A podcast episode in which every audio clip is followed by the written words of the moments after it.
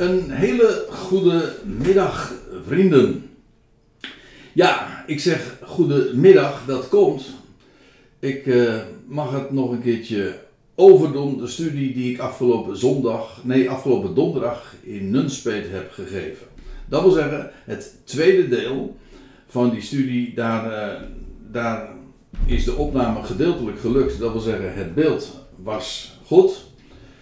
Maar het geluid was per ongeluk niet goed aangezet. En uh, zodat uh, als je de video bekijkt, dan zie je wel een spreker, je ziet de PowerPoint, maar je hoort niet wat er gezegd wordt. Ja, en dat schiet natuurlijk niet echt op als je Bijbelstudie geeft.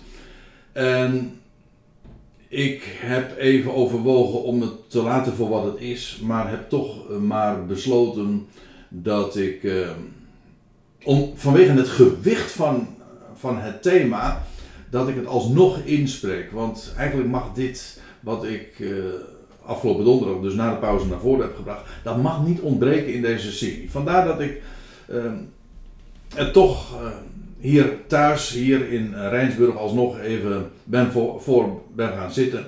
En, en deze dingen alsnog voor het voetlicht ga brengen. Uh, dat zal niet zomaar een, een herhaling zijn van, uh, dat is onmogelijk, uh, maar ongeveer wel in ieder geval de bespreking van de versen die afgelopen donderdag na de pauze allemaal zijn besproken. Dat is vers 6 tot en met vers 12.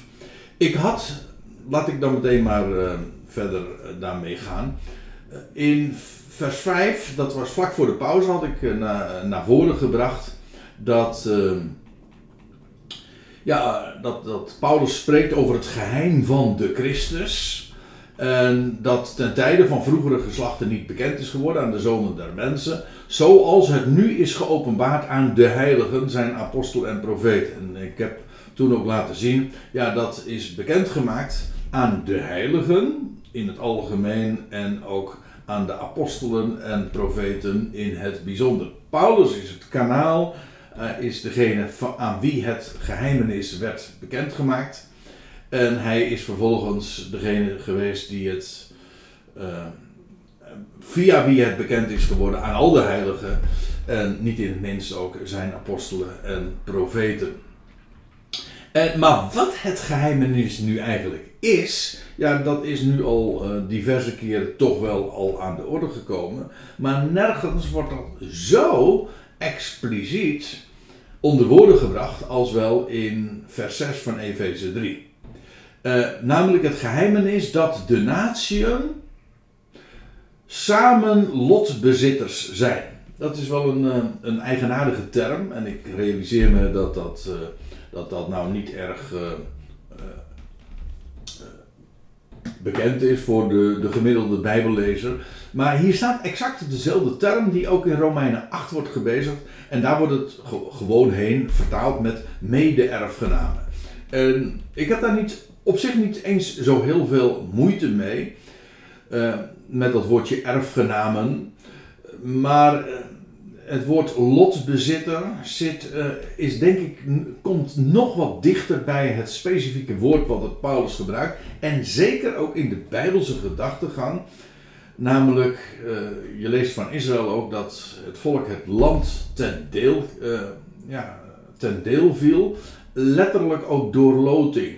Je leest ook dat de geslachten, de stammen van Israël, via loting, het viel hun dus zomaar toe dat is trouwens ook uh, een, uh, een overeenkomst met het woord uh, erfenis. Want ja, daar, daar verdien, dat verdien je ook niet. Dat, dat valt je toe. Maar dat is dus het woord wat Paulus gebruikt. We zijn lotbezitters. Het, het, er valt ons zomaar iets toe. En, dat, en daarmee zijn we dus lotbezitters, of zo u wilt, erfgenamen. En we zijn dat tezamen. En dat uh, tezamen of samen, uh, dat is een woord dat drie keer in dit, dit vers genoemd wordt. Ook dat wordt meestal op een andere wijze in de vertalingen weergegeven, namelijk met mede. Waar ik ook trouwens niet zoveel moeite mee heb, maar het, specifieke woord dat Paulus gebruikt is eigenlijk samen. En waarbij samen zowel een, een, een, een horizontale eh, verbinding legt als ook een verticale. Ik bedoel daarmee dit, dat de natieën, ongeacht welke, er is namelijk geen verschil. Dat, is, dat was Efeze 2. Het verschil tussen, tussen de besnijdenis en de overige natieën, dat is weggevallen. Die muur die, die, is, die is weggebroken. Dat we zijn, dus de natieën hebben. Uh, samen zijn ze lotbezitters, dat wil zeggen tezamen met elkaar. Maar dat niet alleen. We zijn, we, zij delen uh, het, dat bezit, dat wat hen is toegevallen met elkaar, maar ook en bovenal met Christus. Hij is degene aan wie dat allemaal is gegeven en wij zijn samen met hem uh, lotbezitters van dat wat God te vergeven heeft. In feite zijn hele schepping. Uh, dat is ook wat, uh, dat wat in, in Romeinen 8 vers 17, waar ik zojuist aan refereerde, al wordt wordt gezegd, hè, we zijn lotbezitters van God, hè, erfgenamen van God en mede-erfgenamen, samen lotbezitters van Christus. Dat wil zeggen, dat wat aan Hem is gegeven, dat, dat delen wij met Hem. Dus het is niet alleen een waarheid die hier in Efeze 3 naar voren gebracht wordt, maar ook al eerder in zijn brieven is dit al aangestipt. Dat de naties samen lotbezitters zijn en dan ook ik, ik zei al, drie keer gebruikte hij dat woordje samen. Samen lotbezitters, ook samen ingelijfd. En, of als je het heel letterlijk zou willen weergeven, samen gelichaamd. En ik realiseer me natuurlijk ook wel dat dat geen uh, fatsoenlijk Nederlands woord is of begrip is. Maar het geeft wel aan waar uh, de woorden, de componenten die Paulus hier uh, bezigt. Ehm, samen gelichaamd. Ingelijfd, eigenlijk het woord ingelijfd is ook een heel mooi woord, want in, uh, bij, bij inlijving, daar, daar zit het woordje lijf in en lijf is een synoniem van lichaam. Mijn lijf, mijn lichaam. En we zijn ingelijfd, wil zeggen we zijn in het lichaam geplaatst. Tezamen. De natieën zijn samen lotbezitters, maar ze zijn ook samen met elkaar, als, uh, door het evangelie, maar daarover straks meer, zijn ze ingelijfd of uh, een, nog een fraai woord, geïncorporeerd. Ik geef toe, dat is een nog wat uh, deftige term. Maar dat komt van het Latijnse corpus. En dat, dat is het, uh, het, woord voor lichaam. Hemelsbreed, dat is heel grappig, maar ik, ik spreek deze Bijbelstudies uit vanuit het huis. En ik woon in Rijnsburg. En, hemelsbreed wonen wij op ongeveer een kilometer afstand van Corpus. Dat is een tamelijk bekend museum waarbij je een reis kunt maken, heel eh, leuk en interessant trouwens, een reis kunt maken eh, door het menselijk lichaam. En dat heet corpus. Ja, we zijn samen ingelijfd. En dat is uh, nog een, een belangrijke gedachte die hier echt onderstreept moet worden. En dat is dat wij niet zijn ingelijfd. Dat is een hele bekende gedachte die in de christelijke wereld uh, dikwijls doorgegeven wordt, dat de natie nu sinds de dagen van het Nieuwe Testament zijn ingelijfd in Israël, zodat als het ware Israël is uitgebreid. Maar nee, dat is niet wat Paulus zegt. Wij zijn niet ingelijfd in Israël. Het is niet zo dat wij deel hebben gekregen aan de beloften aan Israël. En als dat al zo is, dan staat dat in ieder geval niet hier. Wij hebben we zijn ingelijfd in Christus. Dat wil zeggen, we hebben deel gekregen aan het lichaam van Christus. Hij het hoofd, wij het lichaam. En ja, dat wat aan hem toevalt, dat is ook ons deel. We zijn ingelijfd in, ja, in, in Christus zelf. Dat is dus oneindig veel hoger nog dan wat aan Israël is, toege, ja, is toebedeeld en beloofd. Ik bedoel, dit volk, het volk van Israël, dat is gesteld tot een hoofd van de natieën. En via dat koninkrijk van priesters zal God de hele wereld, alle volkeren gaan zegenen. Ja, maar wat aan Christus is beloofd, gaat daar letterlijk en figuurlijk nog uh, dat gaat het letterlijk en figuurlijk te boven. Dat is een verschil van hemel en aarde. Want Israël is een volk hier op aarde, weliswaar het hoogste volk, maar wij zijn uh, met Christus, die daarboven is, verbonden. En wij zijn ingelijfd in Hem. En, en wij zijn dan ook niet uh, de bruid. Ik weet dat het een heel bekende gedachte is, in, ook dat is in christelijke kringen, hè, de kerk als de bruid van, van, van Christus. Uh, dat is niet de Bijbelse gedachte. Israël is de bruid, of meer specifiek Jeruzalem misschien. Maar wij maken geen deel uit van die bruid. Je zou het dan anders moeten zeggen. Als je het al in, dat, in, die, in die relatie ons een plaats wil geven, dan moet je zeggen dat wij deel hebben gekregen aan het lichaam van de bruidegom. Zodat wij ook inderdaad wel in, dat, in die relatie wel degelijk dus een plaats hebben, maar niet aan de vrouwelijke kant, maar aan de mannelijke kant.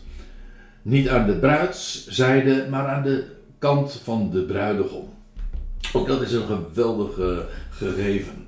Samen ingelijfd. En tenslotte dan ook samen deelhebbers of samen medegenoten, zegt de NBG-vertaling. Deelgenoten, tezamen van de belofte in Christus Jezus.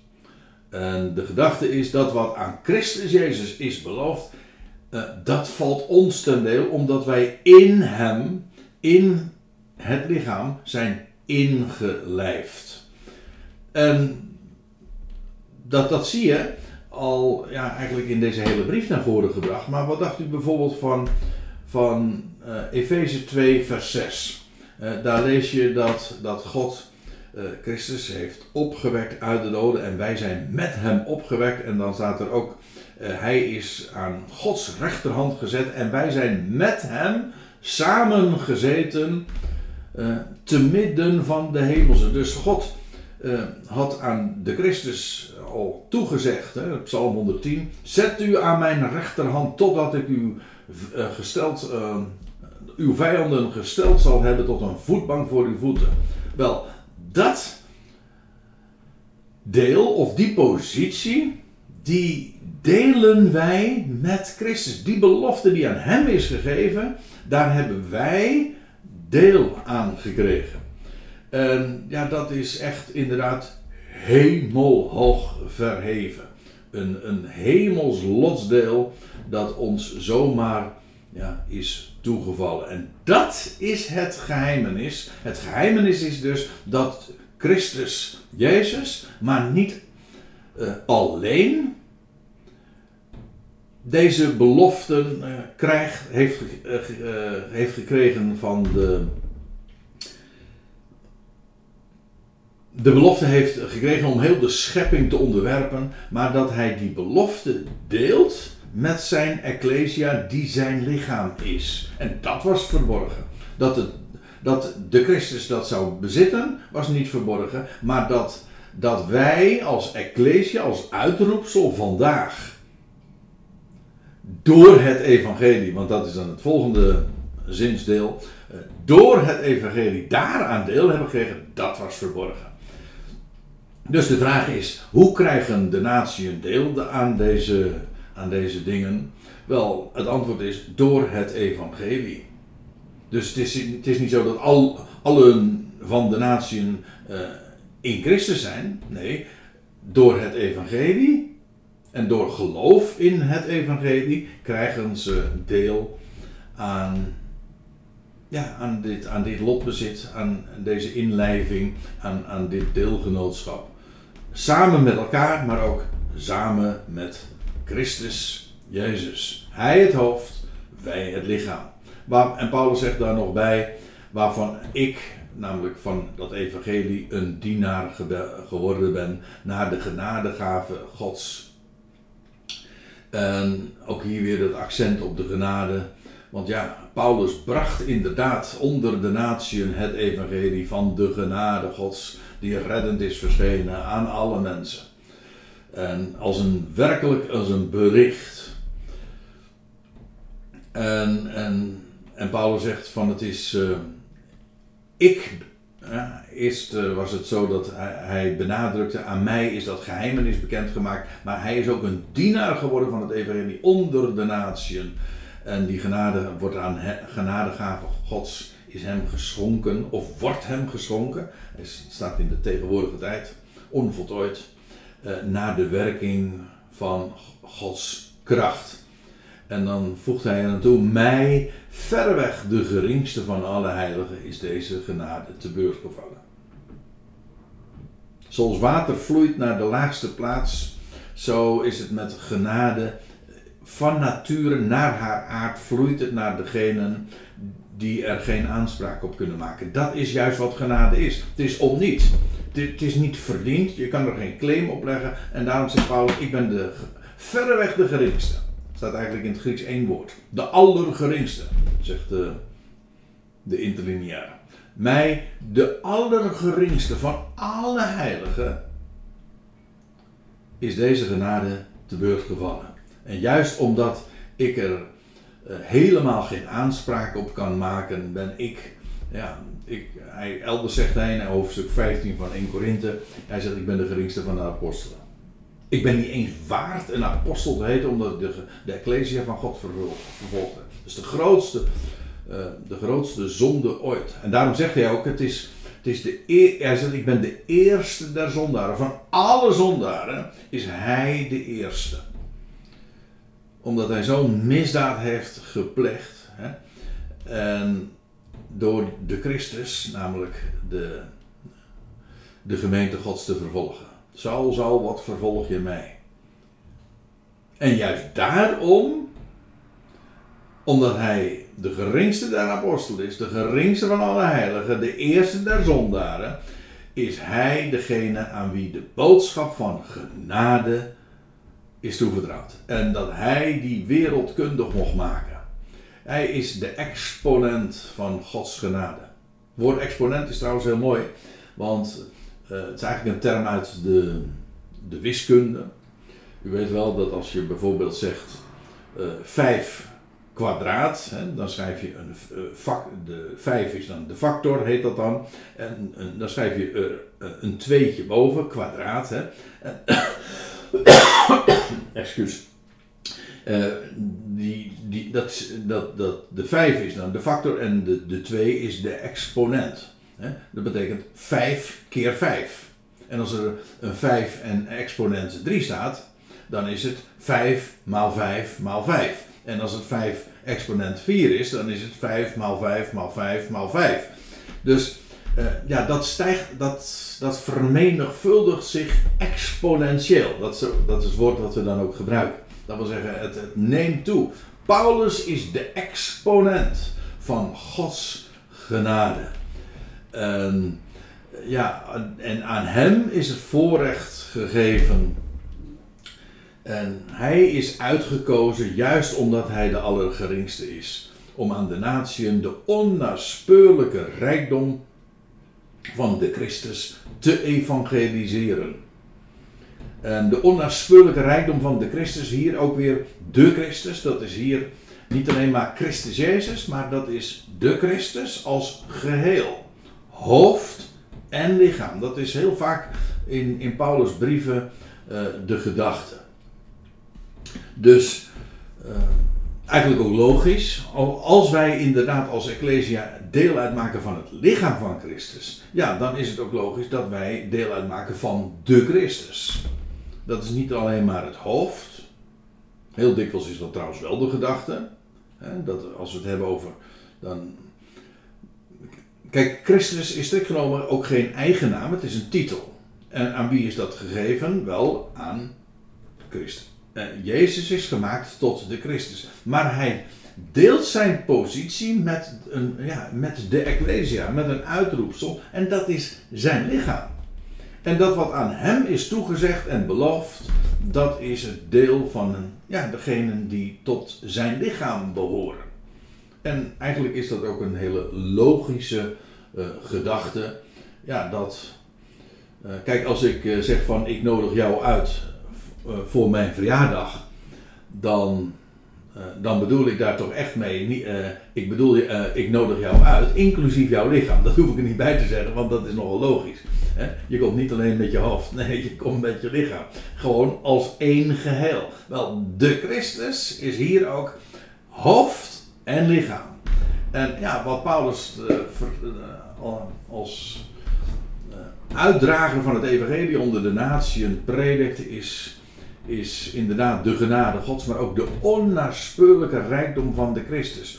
Kijk, dat aan Christus uh, zoveel beloften waren gegeven en die in de Hebreeuwse Bijbel ook staan opgetekend, dat was niet onbekend.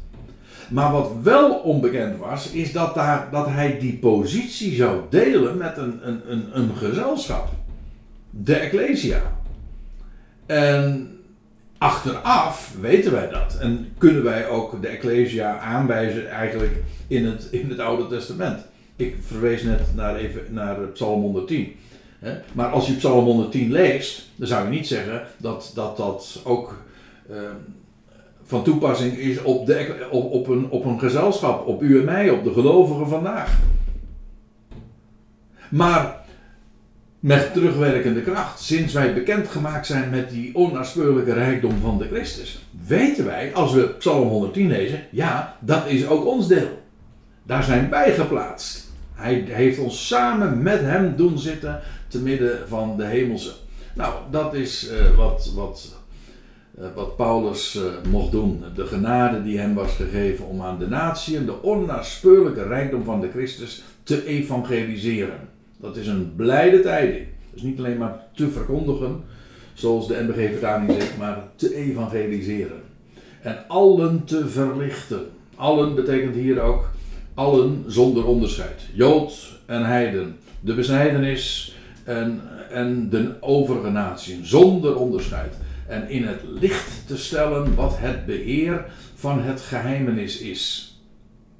Ook uh, wat de consequenties zijn. Niet alleen maar dat aan hem het geheim is bekendgemaakt, maar dat hij ook zou, hen allen zou verlichten wat het beheer van het geheimen is, ook daadwerkelijk inhoudt. Wat, welke, wat de consequenties daarvan zijn. Nou, hij had daar in het voorgaande over gesproken. Namelijk dat de tussenmuur is weggebroken en dat allen deel hebben en dat er daar niet meer die wet der geboden is die eh, voor ons de gang van zaken in het leven bepalen. Nee, genade heerst. Genade is de huisregel. Het is trouwens de tweede keer dat Paulus hier nu dat woordje het beheer gebruikt. Hij heeft er eigenlijk ook twee namen. Eh, er zijn twee uh, begrippen eigenlijk uh, meegelinkt. In, in, in hoofdstuk 3 vers 2, dus een paar versen eerder, was het het beheer van de genade gods. En hier is het het beheer van het geheim. En beide hebben natuurlijk alles met elkaar te maken. En het is aan Paulus toevertrouwd. Het beheer of de bedeling of de huishouding. Uh, daar hadden we het al even eerder over. Maar dat zijn allemaal uh, begrippen die verband houden met het feit dat niet, Paulus is niet de bezitter ervan. Nee, het is hem toevertrouwd. Hij mag, aan hem is het bekendgemaakt. Hij heeft hierover gesproken. En hij is degene ja, aan, aan wie het is, is toevertrouwd om, om deze dingen uit te dragen en daarover te, te spreken en te schrijven en alles wat het, eh, de consequenties daarvan zijn. Sinds wanneer bestaat dat beheer dan? Nou, sinds dat beheer is toevertrouwd, uiteraard. Geeft trouwens ook antwoord op een, eh, een, eh, een item waar nogal eens een keer discussie over bestaat. Sinds wanneer is die bedeling nou begonnen? Of het beheer van het geheim? Uh, ja, het meest logische antwoord, sinds dat beheer is toevertrouwd aan degene die God daar heeft, voor heeft aangewezen, namelijk de apostel Paulus.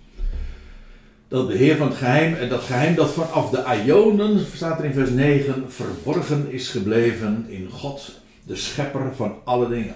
Voordat er ook maar iets was, was daar God. En hij heeft alle dingen tot aanzijn geroepen. En al die tijden die uh, aan de huidige, al die de ionen die aan de huidige vooraf zijn gegaan, toen heeft God verborgen gehouden, ja, dat wat hij nu als beheer aan Paulus heeft gegeven. Alleen God had van deze dingen uh, weet. En ja, maar Waarom? Het, het, weliswaar had, uh, had God daar al. ik bedoel, in het Oude Testament, in de Hebreeuwse Bijbel, vind je die dingen met terugwerkende kracht wel terug. Dat is waar.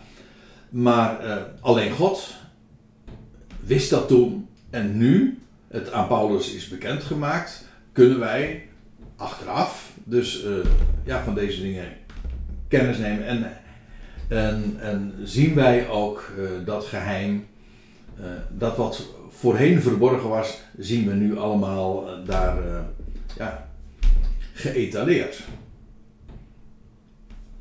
En opdat nu staat er bekend zou worden aan de overheden en de autoriteiten in de hemelsen. Er staat nu. Dit vers wordt nog eens een keer aangehaald. Uh, ook is mijn ervaring. Uh, door mensen die heel erg goed bekend zijn met de, de brieven van Paulus. Maar die lezen het zo als, alsof hier zou staan opdat straks bekend zou worden aan de overheden en de autoriteiten in de hemelse. De, gedachte is dan dat wij dan aan de overheden en de machten straks uh, een, e- het evangelie zouden gaan vertellen of zoiets. Maar dat is niet wat er staat. Er staat opdat nu bekend zou worden aan de overheden en de autoriteiten in de hemelse. En de gedachte is dat. Uh, de, de, kijk, er zijn hier op aarde overheden en autoriteiten, dat is bekend. Maar dat er achter de coulissen ook een, dat daar ook een hiërarchie is van, een, een, ja, een, van, van overheden, maar ook van volmachten. En ja, we lezen, bekend is natuurlijk dat daar in de hemel, in de hemelen boodschappers zijn, engelen. Maar er zijn ook inderdaad overheden en autoriteiten. Wel, terwijl hier op aarde eigenlijk deze verborgenheid eh, onbekend is, één ding is duidelijk. Nu wordt er via de Ecclesia, we zullen het straks zien, uh, wordt aan de overheden en de autoriteiten die daar zijn in de, in de hemelse gewesten, eigenlijk staat er gewoon in de hemelsen, dat wil sommige andere vertalingen zeggen, in uh, te midden van de hemelingen hemelse gewesten. Uh, eigenlijk in de hemelsen is denk ik de meest accurate weergave. Dat wil zeggen, te midden van de hemelsen, ongeacht of je nou aan personen of plaatsen denkt, daar zijn overheden en machten aan hen wordt iets bekendgemaakt. In feite, die overheden en, uh, en, en, en machten, die je leest daar een paar hoofdstukken later in Efeze ook over, Efeze 6. Hè, dat die overheden en machten die strijden tegen ons. Omdat zij iets weten waar ze straks ook daadwerkelijk achter zullen komen. Namelijk dat op het moment dat de Ecclesia geëvacueerd zal worden vanaf de aarde en weggerukt zal worden. En dan zal de mannelijke zoon, hoofd en lichaam, openbaring 12 lees je erover, geplaatst worden uh, op uh, God en zijn troon. Dat wil zeggen, de heerschappij zal aan die mannelijke zoon, hoofd en lichaam, de Christus, worden uh, toevertrouwd. En wat je leest is dat dan Satan en zijn engelen en zijn, zijn gevolg en zijn consorten, zeg maar, die worden dan op de aarde geworpen. Dus op het moment dat de Ecclesia naar boven gaat, dan is het met hun macht en gezag over en worden ze naar beneden ge, ja, geduveld, laten we daar maar op houden. En dat betekent die overheden en machten, die zullen straks hun macht moeten gaan toestaan uh, hoe zeg je dat? weer overgeven aan ons. Het, van, de, er vindt dus een machtswisseling plaats. En de overheden en machten die straks eigenlijk van hun, hun macht zullen worden ontdaan. En ze zullen worden gede, gedegradeerd, letterlijk, hè, naar de aarde. Wel, zij zijn op de hoogte van de dingen. die wij al weten. Vandaar ook dat zij tegen ons strijden. En zij, zij beschouwen ons, en in feite terecht, als, eh, als hun rivalen. Zij hebben, maken nu nog de deel uit, uh, de dienst uit in de hemelen. En straks als de mannelijke zoon uh, zijn plaats zal nemen bij God, in God en zijn troon, ja, dan is het met hun gezag over. En dat, ja, dat wordt hen nu al uh, bekend gemaakt. Opdat nu bekend zou worden aan de overheden en de autoriteiten, te midden van de hemelse, de veelkleurige wijsheid van God. Want in dat hele gebeuren, uh, ja, daar zit natuurlijk uh, heel de veelkleurige wijsheid van God besloten. Want doordat de mannelijke zoon straks die positie gaat innemen, Christus, hoofd en lichaam, ja, zal heel de schepping in al zijn, al zijn facetten en, en in al zijn, uh, in al zijn heerlijkheid uh, zal dan tot, tot uiting gaan komen. Ja, Gods plan gaat dan, of de toekomende Ionen en de glorie daarvan, zullen overtreffend zichtbaar worden. En dat begint allemaal op het moment dat de Ecclesia inderdaad zijn, haar, uh, haar, uh, haar plaats in de praktijk, ook lichamelijk, gaat innemen daar in de hemelen.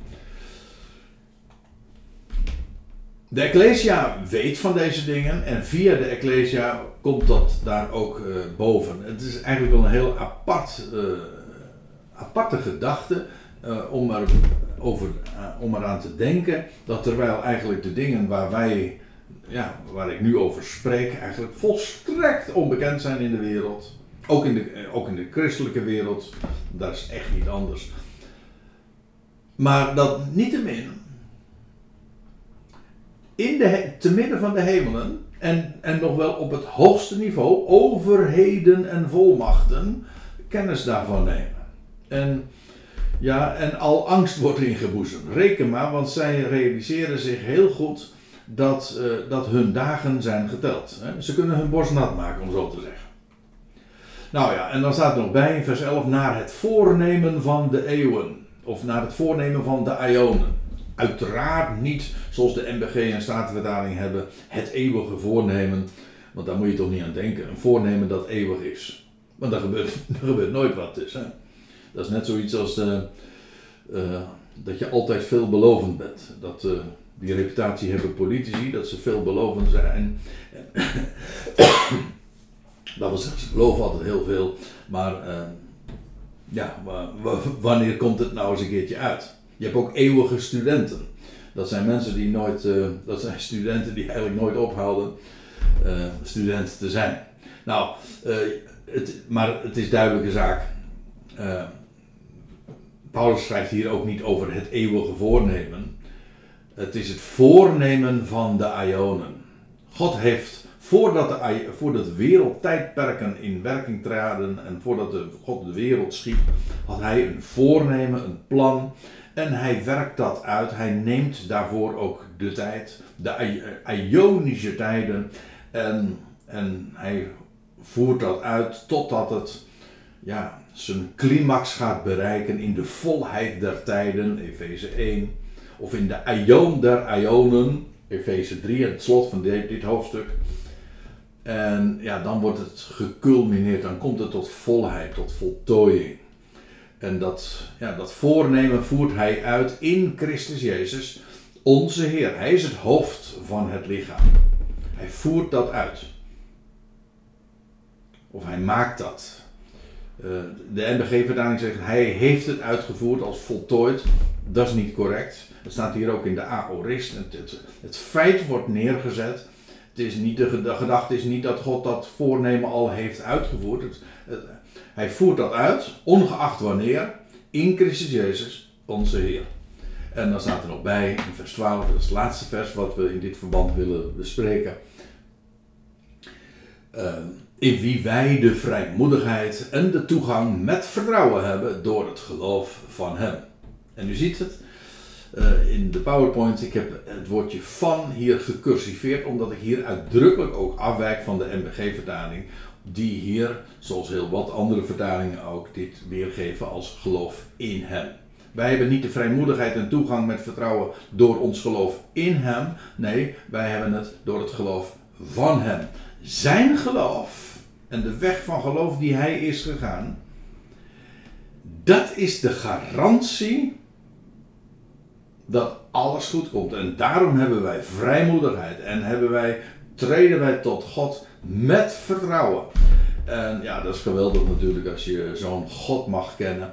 Maar ook als je zo'n solide basis mag hebben. Dat is niet ons geloof. Want ons geloof, laten we nou maar eerlijk zijn, stelt dikwijls niet zoveel voor. Nee, maar het gaat ook niet om uw en mijn geloof, maar het vertrouwen het, of het geloof van Christus.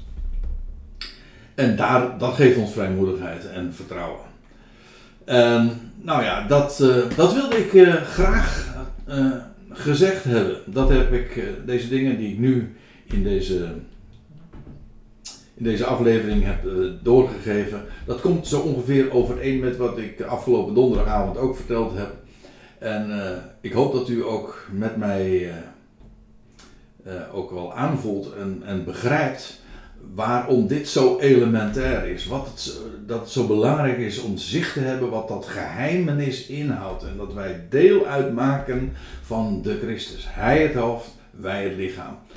En dat is onvoorstelbaar groots. Uh, het is niet voor niks dat het, uh, deze, deze woorden, dit, hoofdstuk, ook afsluit met een gebed dat Paulus op zijn knieën valt. En hij zegt: Ik buig mijn knieën voor de Vader, naar wie alle geslacht in hemel en op aarde wordt genoemd. En dan bidt hij ook dat we besef zouden gaan krijgen van, van de, de hoogte de, en, de, en de diepte en van de lengte en van de breedte. Ja, van dat voornemen van de Ionen. En, van de, en daarmee ook van de liefde van Christus. Want geen enkel schepsel valt daar buiten. Hoe groot, hoe geweldig, heerlijk is dat. En uh, ja, ik heb dit nu voor een, eh, een, tweede keer dan mogen doorgeven, zo in een paar dagen tijd. En uh, ik denk aan de woorden die Paulus optekent in, in de Filippense brief. Hij zegt, hij herhaalt toch wel eens een keer van, ja, ik verblijd je in de Heer. Hij zegt, en dan zegt hij van, ja, ik heb het, ik heb het nou een paar keer herhaald. Hij zegt, ik nu dus, hè. Maar dan zegt hij, ja, ik heb het al, al een paar keer gezegd. Hij zegt, maar hetzelfde aan jullie te schrijven, dat is voor jullie goed want het eh, bevestigt, het benadrukt het alleen maar des te meer. Maar hij zegt, en voor mijzelf um, is het ook verblijdend, want het is heerlijk om daarbij bepaald te worden en, en dat te onderstrepen. En zo vergaat het mij nu ook. Dit te herhalen, ja, dat is hopelijk voor, voor, voor jullie niet verdrietig. trouwens, voor jullie is het geen eens een herhaling en voor mij wel, maar ik vind het geweldig om deze dingen te overdenken en te mogen doorgeven. Wat een waarheid, wat een woord. Nou, uh, het was mij een genoegen en ik zou zeggen tot een volgende keer. Ik hoop dat het dan met de geluidsopname wel goed gaat, dat weer wel. Maar uh, hoe dan ook, dank voor het luisteren en tot een volgende keer. God zegen allemaal.